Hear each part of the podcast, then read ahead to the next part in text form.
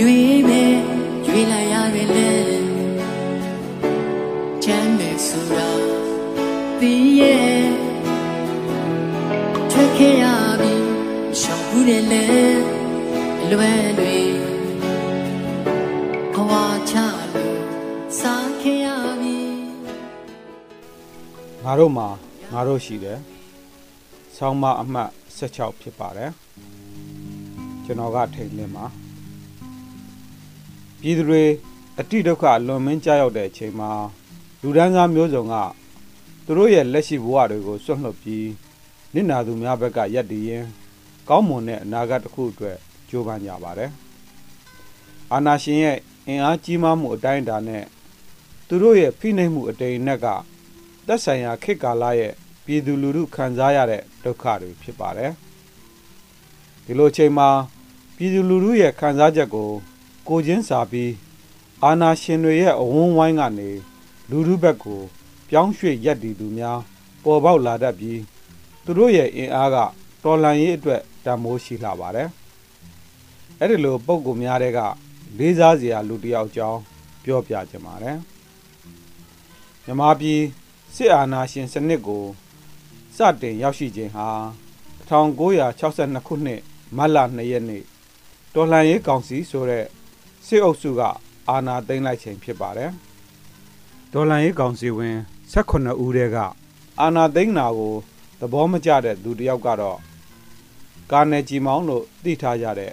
ဦးဂျီမောင်ဖြစ်ပါတယ်။ဦးဂျီမောင်ရဲ့ယုံကြည်ချက်ကတိုင်းပြည်ရဲ့နိုင်ငံရေးဥဆောင်မှုမှာစစ်တပ်မပါသင့်ဘူးဆိုတဲ့အချက်ပါသူကဂီတရုပ်ရှင်စတဲ့အမှုပညာဝါသနာပါသူဖြစ်ပြီး မယုံကြည်တာကို မလုပ်ချင်တဲ့သူလည်းဖြစ်ပါတယ်ဒါကြောင့်သူကအာနာသိန်းအစိုးရကလုပ်တဲ့ဒူယာနှီးနှောဖလှယ်ပွဲကိုမတက်ဖဲဇက်ပွဲသွားကြည့်ခဲ့တာကြောင့်ယာရုမှထုတ်ပယ်ခြင်းခံခဲ့ရပါတယ်အဲ့ဒီလိုအာနာဖီဆန်ခဲ့စဉ်ကသူဟာစစ်တိုင်းမှုတစ်ယောက်ပါဦးကြည်မောင်စစ်သားဖြစ်တာကလွတ်လပ်ရေးတိုက်ပွဲဝင်တဲ့ကာလဗမာလွတ်လပ်ရေးတပ်မတော် BIA ကိုဝင်ခဲ့တာပါသူကចောင်းသားဘဝကလေးက နိုင်ငံရေးလှုပ်ရှားမှုတွေပါဝင်ခဲ့သူဖြစ်ပါတယ်1938ခုနှစ်တတိယကျောင်းသားသပိတ်မှာပါဝင်ခဲ့ပြီးအတွင်းဝင်ရုံးရှိဘုံအောင်ကျော်ကြဆုံးရတဲ့ကျောင်းသားသပိတ်မှာသူကအချက်များစွာအရင်ရိုက်ခံရသူဖြစ်ပါတယ်ဒဏ်ရာကြောင့်ဆေးရုံတက်ရပေမဲ့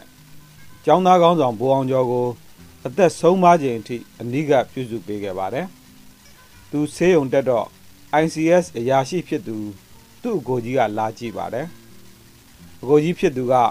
သူ့ယာတူကိုထိပါအောင်အစိုးရဆန့်ကျင်ရေးလှုပ်ရှားမှုမှာပါရကောင်းလားလို့အပြစ်တင်စကားမဆိုခဲ့သလိုကိုလိုနီအစိုးရကလည်းသူ့အကိုကို အလုတ်ထုတ်တာတွေတားမြစ်ချုပ်ချယ်တာတွေမလုပ်ပါဘူး။ဒီဖြစ်ရပ်ကိုကြည့်ရင်ပဲကိုလိုနီအစိုးရထက်အာဏာရှင်တွေကဘလောက်ထိဆိုးွားတယ်ဆိုတာကိုနှိုင်းရှင်တွက်ဆနိုင်ပါတယ်။အဲ့ဒီတုန်းကတစ်ချက်သေးဂျက်ကောင်းကိုအရိုက်ခံရတဲ့ဘူအောင်ကျော်က ကြာဆုံးရပြီးအချက်များစွာအရိုက်ခံခဲ့ရတဲ့ဥကြည်မောင်ကအသက်မသေးခဲ့တော့တငယ်ချင်းတွေကခံရတော့ကြည်မောင်သူရဲကောင်းဖြစ်သွားတာကအောင်ကျော်လို့ပြောလို့ရှိတဲ့အကြောင်းဒေါအောင်ဆန်းစုကြည်က1995ခုနှစ်နှစ်လယ်ပိုင်းခြံရှိလူမှုတွေ့ဆုံပွဲတစ်ခုမှာပြောဆိုခဲ့ပါတယ်။မြို့သားဒီမိုကရေစီအဖွဲ့ချုပ်ရဲ့ဒုဥက္ကဋ္ဌအဖြစ်တာဝန်ထမ်းဆောင်ခဲ့တဲ့ဦးကြည်မောင်ဟာဆီအာနာရှင်များရဲ့လက်အောက်မှာ လေးချိန်ဖမ်းဆီးအကျဉ်းချခြင်းခံခဲ့ရပါတယ်။ဟောင်ကောင်ခြေစိုက် Asia Week Magazine မှာဖော်ပြခဲ့တဲ့သူ့ရဲ့အင်တာဗျူးကြောင့်စစ်ထောက်လန်းရေးခေါင်းဆောင်ဘိုခင်ညွတ်မခံမရနိုင်ဖြစ်ပြီးသတင်းစာရှင်းလင်းပွဲကနေဒေါသတကြီးစိန်ခေါ်ခဲ့တဲ့အထိဖြစ်ခဲ့ရပါတယ်။1995-96ဒေါန်ဆန်းစုကြည်ရဲ့နေအိမ်ရှိကလူမှုတွေ့ဆုံပွဲတွေမှာဦးကြည်မောင်ရဲ့ပြောကြားချက်တွေကို နားဆင်မြင်တွေ့ဘူးသူ အများပြားရှိပါလိမ့်မယ်။သူကခပ်ပြုံးပြုံးခပ်အေးအေးစကားပြောလို့ရှိပြီးဆီအာနာရှင်တွေကိုပညာသားပါပါတွေ့ဝိုက်ပြောဆိုတတ်ပါတယ်။သူအမြဲတမ်းပြောဆိုဆောင်ရွက်တာကတော့လူငယ်တွေစာဖတ်ဖို့အသိပညာအတွေးခေါ်မြင့်မားဖို့ပညာတတ်ဖို့ဖြစ်ပါတယ်။သူဟာကွယ်လွန်ချိန်အထိအာနာရှင်တွေကိုစန့်ကျင်ပြီး